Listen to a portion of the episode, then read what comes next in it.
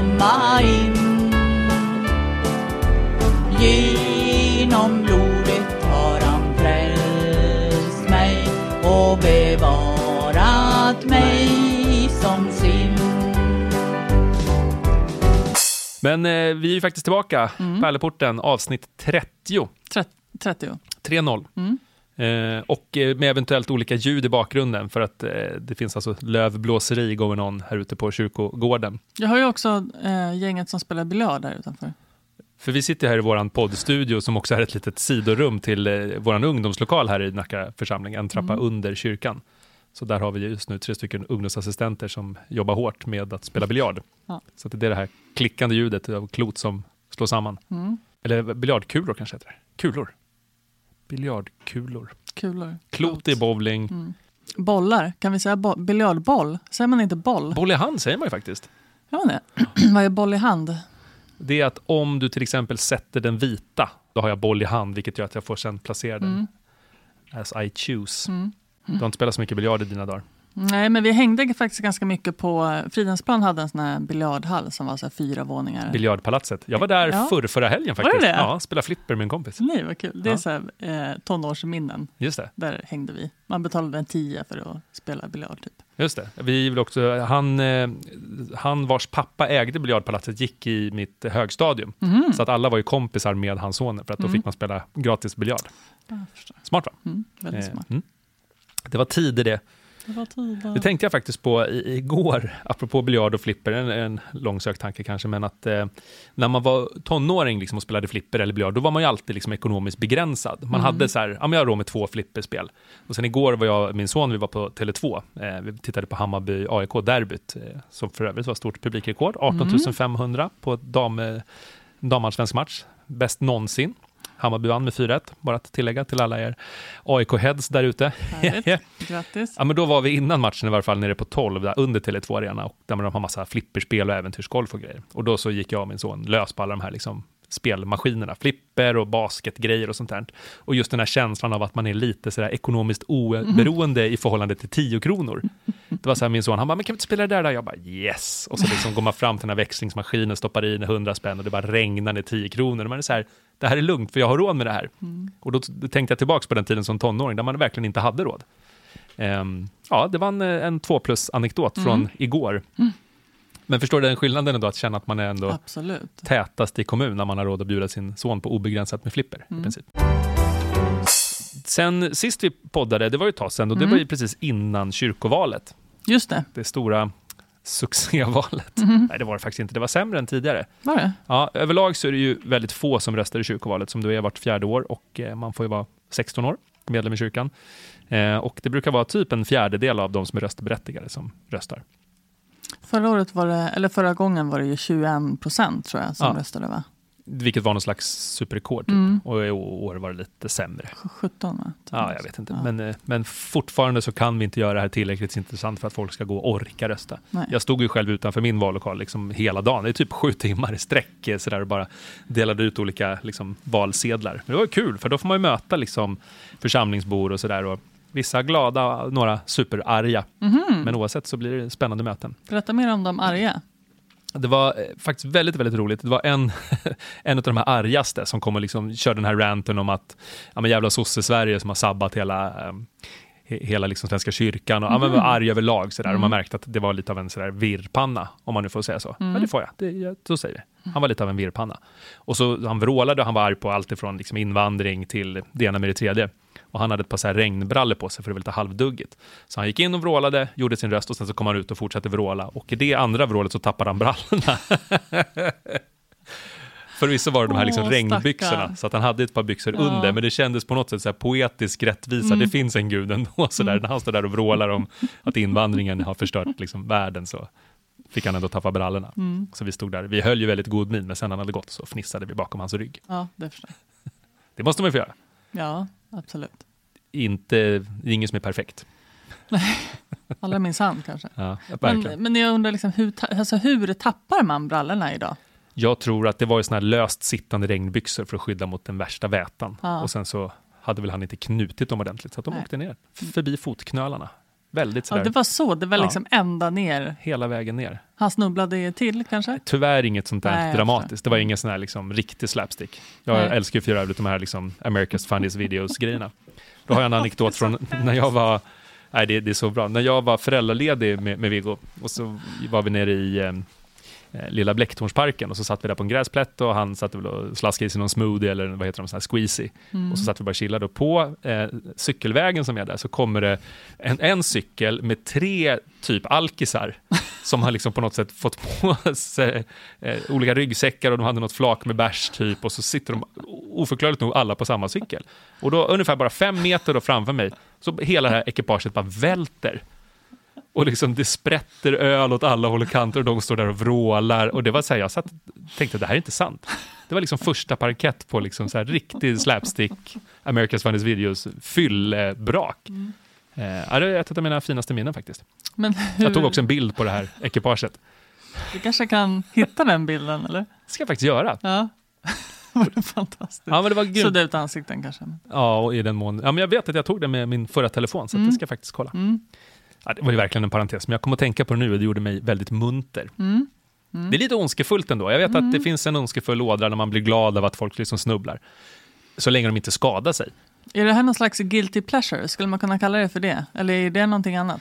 Nej, men guilty pleasure är väl mer att man gillar liksom Hannah Montana, fast man inte vågar stå Ja, för det. okej. Det är väl mer något Mm. annat. Det här Mm. kan jag ju 100% stå för. Mm. Ja, eller att vet, jag kollar på Let's Dance kanske. Mm. Det skulle jag aldrig i mitt liv göra, men om jag hade gjort det och Mm. gillat det, då hade det varit ett guilty pleasure. Mm. Jag skulle vilja säga att Nicolas Cage är någon slags Jag guilty tänkte precis pleasure. säga att Nicolas Cage är mitt guilty pleasure. Ja, fast du står ju å andra sidan för Ja, det, det har du 100 rätt i. procent. Ja, Du är nästan lite stolt över att vara en av de få fansen han har. Vi är många. Ja, Hur många är ni? Finns det någon fanclub? En hel legion är vi. Hur, Oj, hur oj. många är en legion? Jag vet inte. Många. Är det så? Mm. Ja, det känns som det. Ja, men hur som helst, det har varit kyrkoval och eh, ja, finns det något att säga om det egentligen? Men det gick ju ändå, eh, man kan ju göra en liten snabb eh, recap av vad som, hur, det, hur det gick. Just det, men med resultatet då? Är, är det som vanligt att sossarna är Mm. störst? Att, ja, det blev som vanligt. Och vad det betyder på nationell nivå, det är oklart. Väldigt oklart. Ja. Det är olika skogsfrågor och...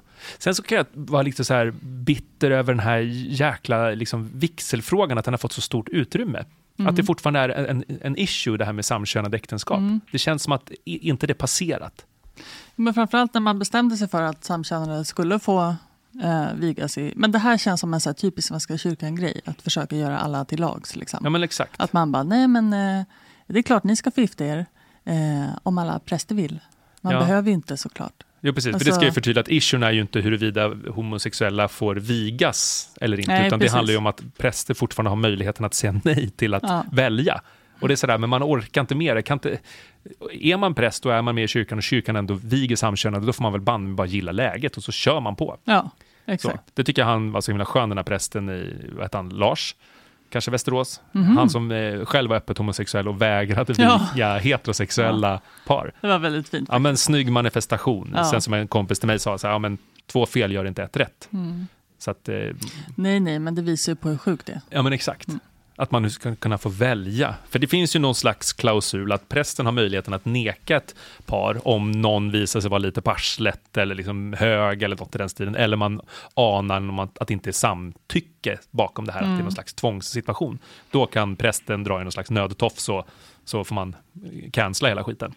Men att få då säga nej till ett par på grund av att de är samkönade, det är ju vansinne. Mm, verkligen. Och det här är ju då en splittrad fråga, eller ja, vi får väl säga att det här är våran åsikt i varje fall. Vi är ganska eniga, du och jag, eftersom vi är Ja. hyfsat normala människor. Mm. Ehm, så att, det- och, men ärkebiskopen gick ju in och på något sätt sa att nej, men vi kan inte, den här, vad heter den, väjningsrätten, vad heter Mm. den? Väl, väl, ja, jag Det, fin- det finns ett ord för det i varje fall. Ja. Att man har rätt att liksom vär, Väja. vär, värja sig från, Ja. från gaybröllop, Mm.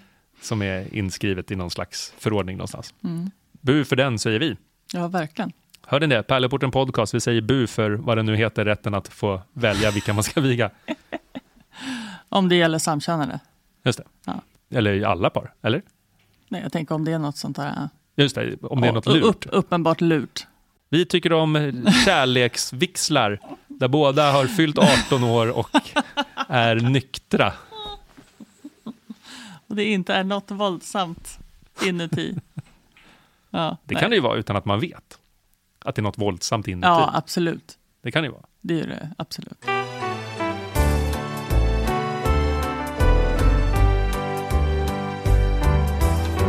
Eh, Jag har ju ett eh, veckans utträde.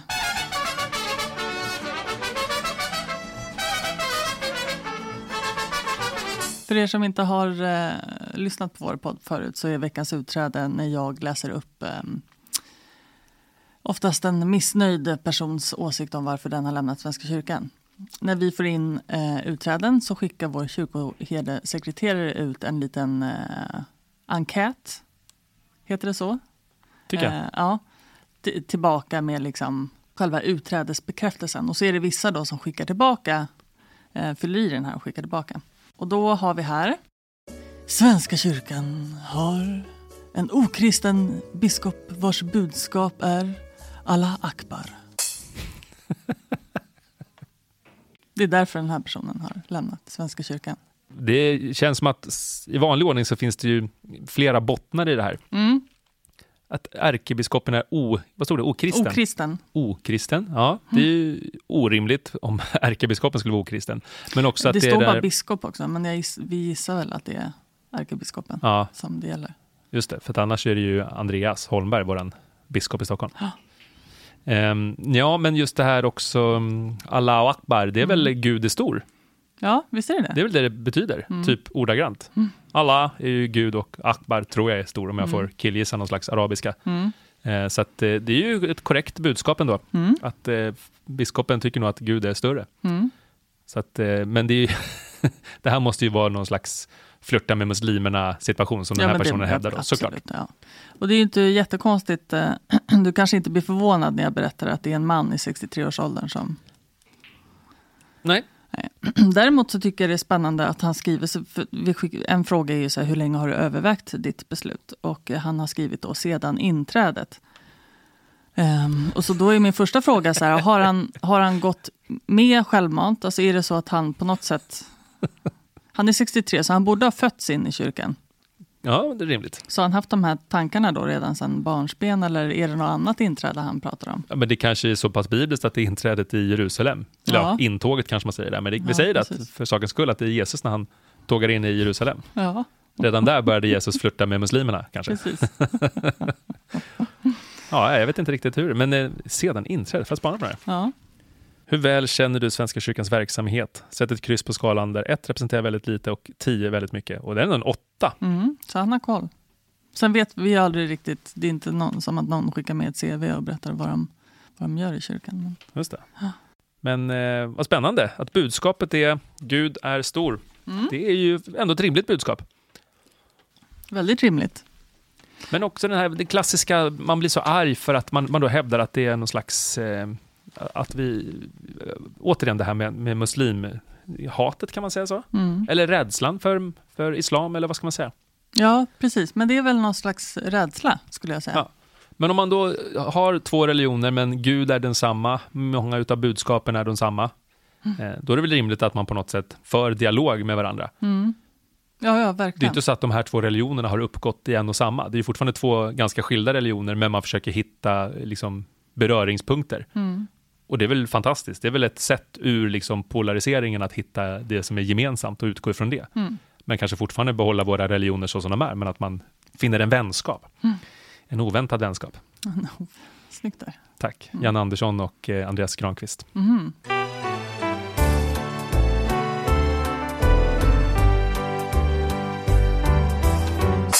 Jag läste en bok i somras som jag tyckte hade en intressant twist. Kanske banal för vissa, men ändå. Jag, jag kör den här. Då hade eh, en av huvudpersonerna uppfunnit någon sorts superdator som gjorde det tillgängligt att kunna eh, resa tillbaka i tiden rent visuellt så att man skulle kunna få liksom, eh, man skulle kunna få se olika skeenden som har utspelats i historien. Det låter flummigt, men eh, tekniken lät logisk. Det var kvantskum och allt vad det nu var. Jag fattade inte Men lite mycket. som Devs som vi pratade Ja, om. men förut. exakt. Ja. men lite som Devs Mm. faktiskt. Eh, en serie som fanns, finns Netflix, HBO, HBO. HBO. Ganska intressant, även om Jesus koppling var ganska kort där. Jättekort. Ja, på tok för kort. Det Mm. var, kändes som att det var spännande. Men då, då är det kanske lite samma grepp, men då är det i varje fall så att den här personen då för att övertyga en annan person om att den här tekniken verkligen finns och existerar, så hade hon eh, fyra filer på sin dator. Eh, eller om det var fem. Där de börjar så här visa, här är Palmemordet. Och så får man då se på något sätt ur en kameravinkel hur man får följa den mannen som då mördar Palme. Och så får man då se ansiktet och hur det utspelar sig. Jättedramatiskt. Mm. Och den andra filmen var mordet på Kennedy. Väldigt sådär modiskt. Men för då blir den här personen då övertygad. Ja men shit, det, det stämmer liksom. Den här tekniken funkar verkligen. För då har man hittat då, vem det nu var, Lee Harvey Oswald. Hette han så? Ja, gud, jag har ingen Han som sköt Kennedy. Skitsamma, Ja. men då uppdagades det där att ja, men det som det var sant typ. Mm. Att det bara var en skytt eller om det var fler skyttar. Jag kommer inte exakt ihåg. Men då var det då tre filer till på den här datorn. Och där någon slags, är det stopp i den här boken? Där liksom väntar man då in fortsättningen. Mm. Och då var det tre filer, varav en stod då Jesus, en Buddha och en Mohammed. Mm. Där man då ska resa tillbaka för att få liksom, så här var det. Det här var Jesus, det här var Mohammed och det här var Buddha. Mm. Vilket är sådär en kittlande tanke. Och då eh, växer då såklart den här frågan att om vi nu då genom den här tekniken skulle få bevis svart på vitt att Jesus, så som vi känner Jesus, existerade inte alls. Eller Mohammed, eller Buddha för den delen. Eller att Jesus var gift och hade liksom fem barn och eh, liksom levde ett helt annat liv än vad som tänkte. Eller att Mohammed var gift och det är liksom hans fru som har skrivit delar av Koranen. Så där. Hur, hur skulle man reagera på det? Skulle det? På ett sätt skulle det kasta hela världens liksom religioner upp och ner på något sätt. Eh, och sen skulle det såklart säkert finnas vissa som ändå skulle vara övertygade om att eh, nej, men vi måste ändå fortsätta tro för det är så bra grund i det här och jada jada. Men vad skulle du tänka om du fick reda på att det här med liksom Jesus, det är bara hittepå? Liksom, det här är alltid fabricerat, det finns ingen som helst sanning i det hela. Hur skulle du liksom gå från punkt A till punkt B i ditt liv här och nu om du fick reda på det? Det här är bara bullshit. Vad skulle du göra? Alltså, jag tror ju inte att Jesus var en mirakelman från Men- första början. Men tror du att Jesus fanns överhuvudtaget? ja, men det, eller ja, det finns väl några bevis på att någon Jesus fanns. Ja, men, men skulle det då spela någon roll? Säg att då, för sakens skull, att Jesus inte alls skulle ha funnits, inte ens personen. Nej, Allt det, är bara jag, hittepå. jag tror inte det skulle spela någon roll för mig. Skulle du fortsätta kunna liksom dyrka Jesus Kristus som är vår centralfigur i vår religion, liksom fortsätta be de här bönerna som Jesus då onekligen inte har lärt oss? Och nu ber vi den bön som Jesus inte har lärt oss. Vår fader. Eller hans fader som inte finns i himlen. Får skriva om den. Någons fader. Nej, men jag tänker liksom att, att Jesus är ju fortfarande en symbol på någonting gott Ja. någon, och, på, och på kärlek. Liksom. Och, och det, jag tror att min tro hade förändrats mer ifall det visade sig att Jesus visst var värsta mirakelmannen och att allt stämde. Liksom. Mm. Då, hade, då hade jag haft en större livskris än om det visade sig att han inte eh, fanns på det sättet. Oj, vad intressant. Ja, jag tror det. Vilket random svar på något konstigt sätt. Du skulle få större livskris om det visade sig att Jesus faktiskt gjorde det som det står i Bibeln än tvärtom. Jaha. Men du skulle liksom fortsätta ha ditt jobb, du jobbar ändå i Svenska kyrkan och fortsätta liksom försöka proklamera det här budskapet så att säga. Ja, skulle inte du det? Nej, men jag har ju funderat på det här och jag tror att mycket skulle nog ställas lite på, på ända sådär. Kan man säga så? Ställas på ända? Ja, men du fattar. Ja, men det, det tror jag nog så att, att fortsätta prata om Jesus som våran centralfigur skulle ju kännas på något sätt helt sjukt om det visar sig att det absolut inte är sant, om man har fått liksom hård fakta på att det, att det inte är så. Så att eh, jag tror någonstans att man skulle verkligen kunna behålla det fina i, i religion, det som är fint i alla religioner, liksom det här med kärleksbudskap och jada jada. Men att på något sätt att lyfta ut då hela centralfiguren som vi alltid refererar till i så gott som allt vi gör. Eh, sådär, ja, men när gudstjänsten är slut, då, låt oss gå i frid i vår, ja, vem drar man till då? I liksom Edvard Bloms namn, eller måste man ha en figur? Den här Men- kultgrejen är ändå ganska stark inom religion, att man behöver ju någon form av fysisk figur för att liksom kunna relatera till det. Men jag tänker ändå liksom att, att eh, vi... Eh, nu är det ju en viss där eh, sammankoppling, eh, oklar sammankoppling mellan Gud, Jesus och hela ande, som vi har pratat om någon gång. Men liksom, om man tittar på Gamla Testamentet, den bok, de, de böckerna läser vi väl idag som fina historieböcker som skrevs ner efter mun mot mun-metoden under tusen års bla bla bla. Och det berättar om den historien då och hur folk såg på religion och hejsan hoppsan. Eh, varför kan inte Nya Testamentet omvandlas till en sån, såna böcker? Liksom? Och, och, utan att kristendomen ska falla. Liksom. Förstår du? Jo, alltså för det första så tror jag nog att lite beroende på vem du frågar så får du då den uppfattning om att eh, man bara ska läsa det som en, liksom, en mun mot mun metod. Frågar du Hanna, hon prästen vi intervjuade, då, Mm. då kommer du få ett annat svar. För hon är ju hardcore GT-person. Mm. Superinläst. Vi kanske ska ta med henne någon gång och få svara på de frågorna. Ja.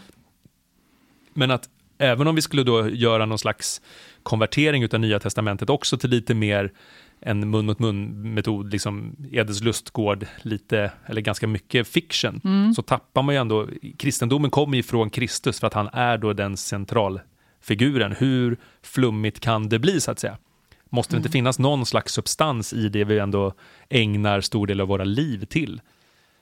Om det visar sig att allting bara är bogus. Jag tänker på alla sekter där det visar sig sen till slut att sektledaren har varit någon super-douchebag, liksom, då, då är allt och faller. Nu är det skillnad på en liten sekt kanske och en, en stor religion. Mm. ja, för jag tänker att de där sekterna lär ju ändå... De lär ju så här proklamera att, utrustningen, att det är fel på utrustningen eller något sånt där. Det blir ju så konspirationsteoretiskt så fort. Jo, och de kanske är lite mer destruktiva, eller Ja, de kanske är destruktiva i sin natur. Det är ju inte De är- kristendomen, utan nej. det, det är någonting annat. Men, Ja. men det blir ändå intressant eh, vilket grepp man skulle ta på det där. Mm. Men vad skulle hända med de stora världsreligionerna? Skulle, liksom, skulle vi få stänga alla kyrkor och göra om dem? Vad händer med alla moskéer, alla synagogor och så vidare? Blir det liksom ett globalt kaos? Det tror jag absolut att det skulle bli. Även i Sverige som är så sekulariserat. Ja. Ja, men ta till exempel som Moses. Mm. Att vi, får hard fact, Moses fanns inte alls. Liksom, vilket hela judendomen ändå bygger på, eh, och vilket också kristendomen också bygger på, eftersom Jesus själv var jude och vi firade den judiska påsken tills han då gjorde om det. Så det är så mycket som hänger ihop där också. Mm. Och även islam är ju väldigt sammankopplad till Gamla Testamentet och de berättelserna där. Så att alla de tre världsreligionerna skulle ju bäla ur, Mm, verkligen. Förutom då alla superhardcore som blint skulle förneka det. Ja. Det är som alla klimatpersoner, trots att man lägger fram fakta så är det så här, men skygglapparna på. Det kan man ju välja, ja, men som olika kreationister som tänker att liksom, skapelseberättelsen, där har vi hård fakta. Darwinism, not so much. Mm, mm. Så att de eh, liksom, foliehattarna kommer alltid finnas, så att säga. Men ändå, vad händer när man lägger fram de här bevisen? Eller blir det som inom politiken, att man vänder och vrider för att det ska passa sin egen liksom, utgångspunkt? Mm. Där kan ju politiker presentera samma information, men de väljer att tolka det på olika sätt. Liksom. Den ena säger att våra utsläpp har minskat, men den andra säger jo, men det är för att de släpper ut i Kina istället för här. Så, att säga. Mm. så kan man välja att rida på det på så sätt. Menar du då att man skulle vrida på Jesus budskap? Ja, men att man hittar ändå någon väg ur det här för att tolka det till sin egen fördel. Mm. Det finns säkert de skulle kunna göra det. Mm. Vatikanen skulle vi säkert hitta något smart sätt. Absolut, det tror jag. Men du skulle ändå, som du säger då, fortsätta gilla läget på något sätt. Mm. Medan jag tror att jag skulle nog, ja men typ söka jobb på ICA kanske. Ja, du skulle göra det Ja, men jag, alltså? tror, jag tror det. Mm. Jag tror inte jag skulle kunna jobba kvar i samma organisation på det sättet. Det skulle bli så himla konstigt. Men, Och det alltså- säger jag också lite för att det ska bli lite, lite edge. Ja, ja, ja. Nej, men jag tänker, jag tänker ändå, om jag jobbade, om jag nu, eh, varför jag nu skulle göra det, men säg att jag jobbade i ett eh, trossamfund som var lite smalare och kanske inte hjälpte så fruktansvärt många människor varje dag, så kanske det skulle varit en annan grej. Mm. Men nu, jag tror Svenska kyrkan skulle ganska snabbt kunna omvandlas till en välgörenhetsorganisation. Det är ju en intressant tanke. Vi Mm. har ju redan infrastrukturen. Vi blir någon slags bara diakonal Mm. grej liksom. Med det sociala perspektivet. Det är ju jätteintressant. Mm. Och vad gör vi då, då för de som fortfarande vill komma och fira gudstjänst? Vad ska vi byta ut brödet och vinet mot? Måste vi byta ut det? Ja, eller så får vi hitta någon twist. Vi kanske ska göra det med som en trevlig helg-konceptet, att man har lite mer som en vinbjudning. Ja, Man får ta ett glas rött. Liksom. Ja.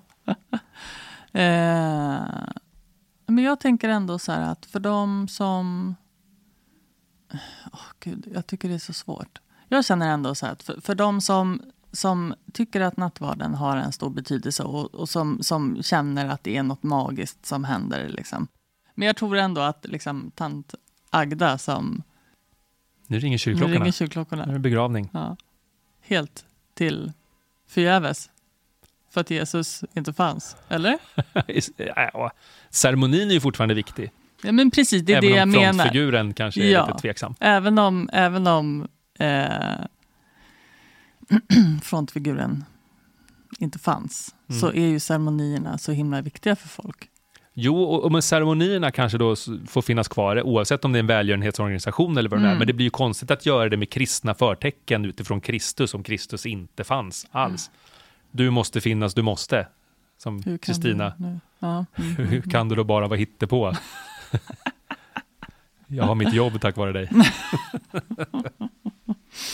Ehm, jag tror att det skulle omvandlas till, nå- till någon slags välgörenhetsorganisation med mycket diakonal... Alltså, grejen att jag tror att kyrkan skulle liksom få sk- skrapa upp de här spillrorna som, hos folk. Mm. Förstår du?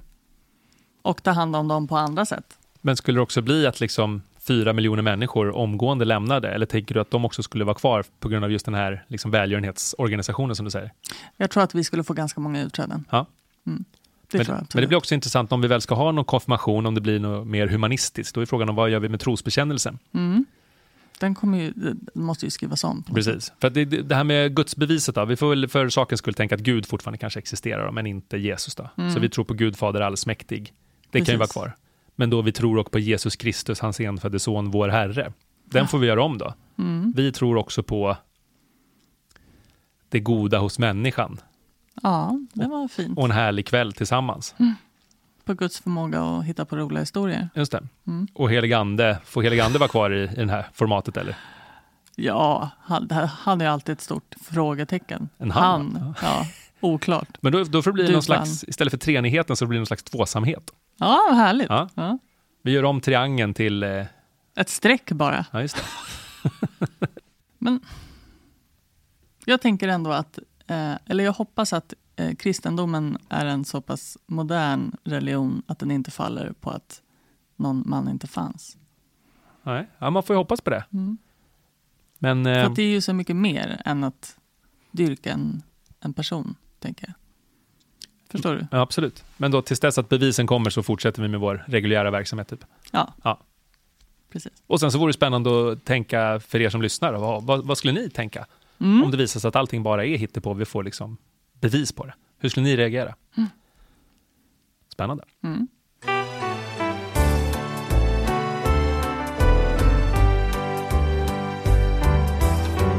I, jag tänkte på det häromdagen, för att min son använder, ofta när han spelar spel någonting, så är det alltid den här, Jesus Christ, han liksom slänger ur sig olika bibliska referenser. Mm. Ehm, och då tänker jag att, är det väldigt liksom synonymt bara med vår religion? För att vi kan ju ha väldigt många, det har vi pratat om, det här med svordomar till exempel. Att vi har väldigt religiösa svordomar, vi säger jävlar, helvete, fan. Allting är ju bibliskt Mm. utifrån det. Men när man också säger något sånt här, ja men Jesus Christ, att man liksom, när man ropar sin profet. Det är ju Mm. lustigt nu eftersom vi har precis pratat om huruvida Jesus kanske inte ens har funnits eller inte, men, men det resonemanget släpper vi nu såklart. Att när man då utropar sin profet, gör man det också då i andra religioner? Har man samma liksom eh, religiösa tugg som man slänger sig med dagligdags? Mm. Eh, jag vet inte om liksom då judarna skulle ropa ut, ja, men Moses vad gott det här var. Mm. Eller liksom om eh, muslimer skulle hojta, men det här var en chokladpudding god nog för Mohammed. Eller jag vet inte, man, man har något sånt utrop. Eh, och eh, de korta svaren jag har fått, eh, jag har pratat med en muslim som sa nej, man gör inte så. Och jag har pratat med en, en jude som också hävdade nej, så gör man inte. Utan inom det judiska så är det mer kulturella betingade Mm. eh, uttryck, att man kanske slänger sig med mer jiddisch. Eh, att man kan vara en mensch till exempel. Mhm. Att ha schutzpa Schutzpa. och aiwei. Nej, vad fint. Ja. Så det är skönt att jag ändå har de här kontakterna som jag kan gå till vid behov. Mm. Men är det här liksom en, en kristen förekommelse eller är det svenskt eller är det liksom lutherskt? Eller, jag tänker, eh, ropar man ut Jesus Kristus i Italien? När Alltså man, man- är förvånad? Man gör det kanske primärt i USA, Mm. för det vet man ju oavsett om man är religiös eller inte, så är det ett uttryck som man gör. Ja, men, eh, min första Mm. referens var, jag tror att eh, Ehm, I Die Hard så ropar Bruce Willis det Jesus Christ vid något tillfälle. Mm. Och det är ju samma, ehm, jag tror Neo gör det i Matrix. När, han, när de tar ut den där larven ur magen när han sitter i bilen. Mhm, just Jesus det. Christ, that thing is real! Mm. Har jag för mig.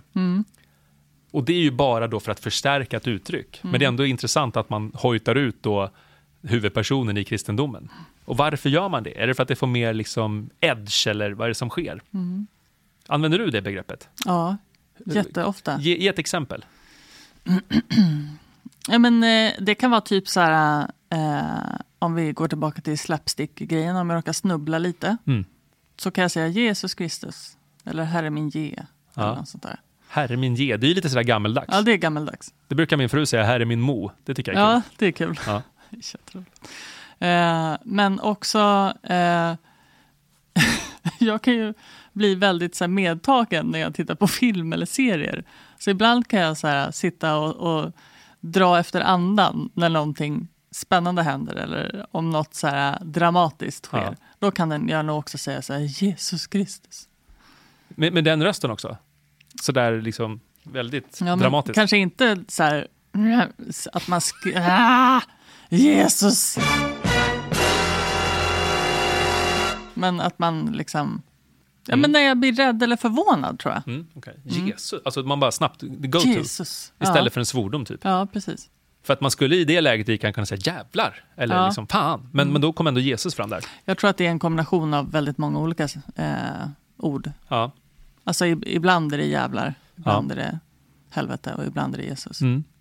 Ja, Jesus. Jag använde Jesus senast igår när vi käkade middag. Jag hade gjort faktiskt en grymt god eh, kantarellsås. Jag hade plockat kantareller på landet. Mm. Och så var tog första tungan och sa Jesus vad gott det var. Utropade jag då. Mm. Så. Och nu försöker inte jag framställa mig själv som en slags mästerkock, men det var riktigt gott sådär. Men då, då passade det att, att droppa Ja. Jesus så att säga. Ja, men precis. För Jesus kommer ju upp ibland också eh, vid, när man äter och sådär. Mm. Mm. Du tänker på nattvarden. Exakt. Men eh, eh, i Life of Brian till exempel, där har de gjort ett skämt att man inte ens får uttala Herrens namn. Mm. När de är den här steningen. No one is to stone anyone until I blow this whistle. Even if they do say Jehovah. Mm. Och så börjar alla kasta stenar.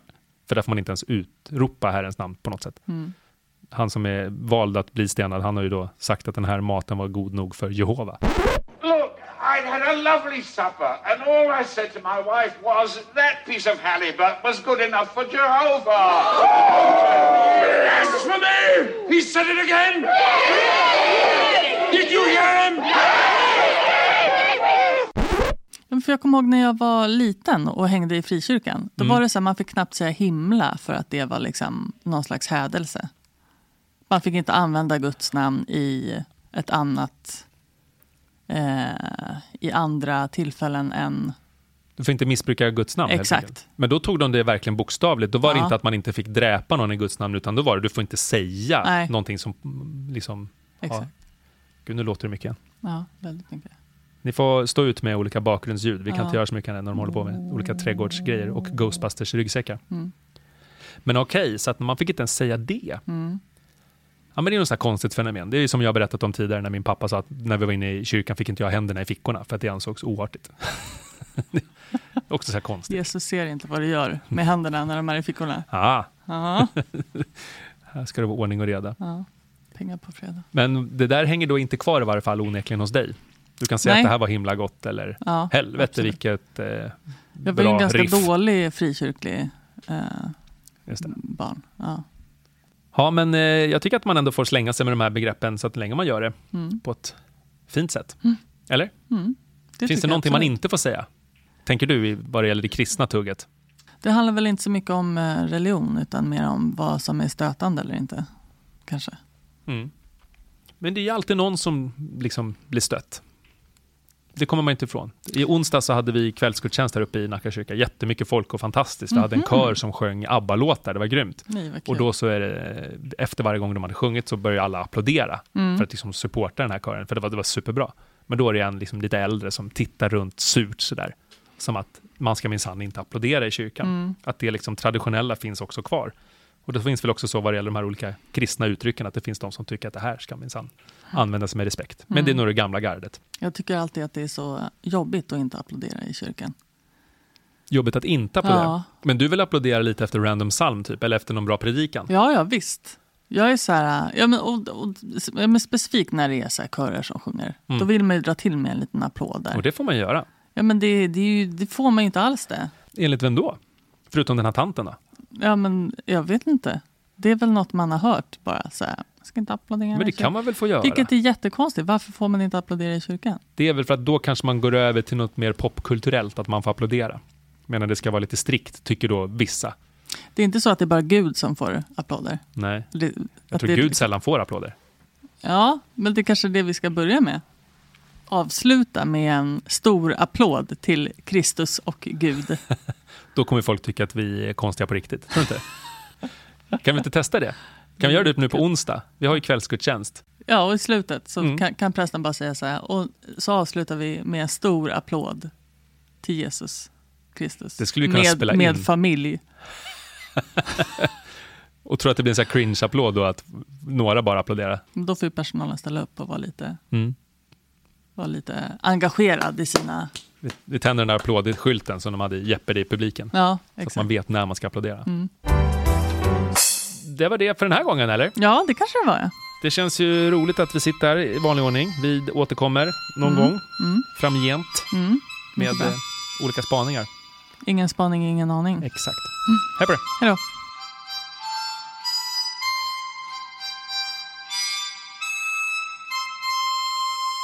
Det har varit någon slags lövblåsarbonanza här ute. Det är också ett hösttecken på att eh, det går runt olika kyrkogårdsarbetare med såna här ryggsäckar, såna här Ghostbusters-grejer.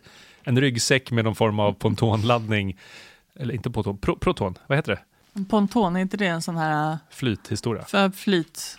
Ja men du vet pontonplan, Brygga. flygplan landar med pontonplan typ. Ja. Proton, det har väl någonting med atomer att göra. Ja, jag tror... Och för att göra då den här långa kopplingen, det, det som Ghostbusters-gubbarna har på ryggen. Och gummorna numera. Mm, just det. Har du sett den, Nej. Ghostbusters? Den var inte skitbra. Eh, nej, jag minns inte om jag har sett den eller inte. Vilket betyder att den nog inte var så bra. Nej. Och det säger ganska mycket när det är jag som säger att en film inte är bra. Ja. Men det är så här, det får man inte heller säga att den filmen inte var bra, för då blir man någon slags antifeminist. Det var ju så här för att det råkar vara liksom kvinnor som är huvudrollen. Ja. Det var bara att det var en urusel film. Ja, det måste man ju få tycka. Mm, absolut. Eh, helt plötsligt blev jag Bert Karlsson, märkte du det? Men det, det jag tänker med Ghostbusters, det alltid var lite... Nu kanske jag blandar ihop det i och för sig med Scooby-Doo. Men det känns som att det alltid var så himla... Att allting hade en logisk förklaring i slutet. Men det kanske inte Ghostbusters hade, nu när jag tänker efter. Alltså mina Scooby-Doo-referenser är ju lite ringrostiga. Du får väl enlighten me. Nej, men för i Scooby-Doo, jag har ju ehm, inte sett jättemycket eh, Scooby-Doo heller, men Supernatural har ju ett Scooby-Doo-avsnitt som är lite roligt. Men eh, vad jag har förstått som, så i Scooby-Doo så är det liksom ett typ, det ska vara ett övernaturligt eh, fall som de ska försöka lösa, men så slutar det alltid med att det inte alls är övernaturligt, utan det är liksom det finns en logisk förklaring till det här eh, mysteriet. Förstår du? Ja, ja. Så att det, var, det är aldrig några spöken. Jaha. Det är Nej, skittrist. nej, i Ghostbusters är det ju raka motsatsen. Det är- där, det är ja, ja, där är det olika svävande slime-monster och liksom ektoplasma. Ja, det är min favorit faktiskt. Ja, ektoplasma. Mm, Ja, det är ett spännande ord. Mm, det är faktiskt inte jättemånga skräckfilmer som har det i sig. Men är det liksom saliven från dem eller är det bara liksom det spår de lämnar efter sig? Eh, alltså, det är också lite oklart, då jag själv inte har träffat på ektoplasma. Som att det vore en egen person. Får jag föreställa, här ektoplasma och hans familj. Små Hektorplasma. Ektoplasmabarn. ja. Plasmamma. Ekoplasma. Mm. Ja, eh, Eh, nej, men jag tror att det, är bara, det är något slags slem som liksom bildas när ett spöke är för argt eller något. Det är oklart. Det är någon slags i vredesmod-utsöndring. Ja, men jag tror det. Just det. Ja, Klägg i affekt. exakt. Obehagligt. Det är kul om man slår upp det i någon så här spök... eh, Googla inte det. Spök Wikipedia, ektoplasma. Klägg i affekt.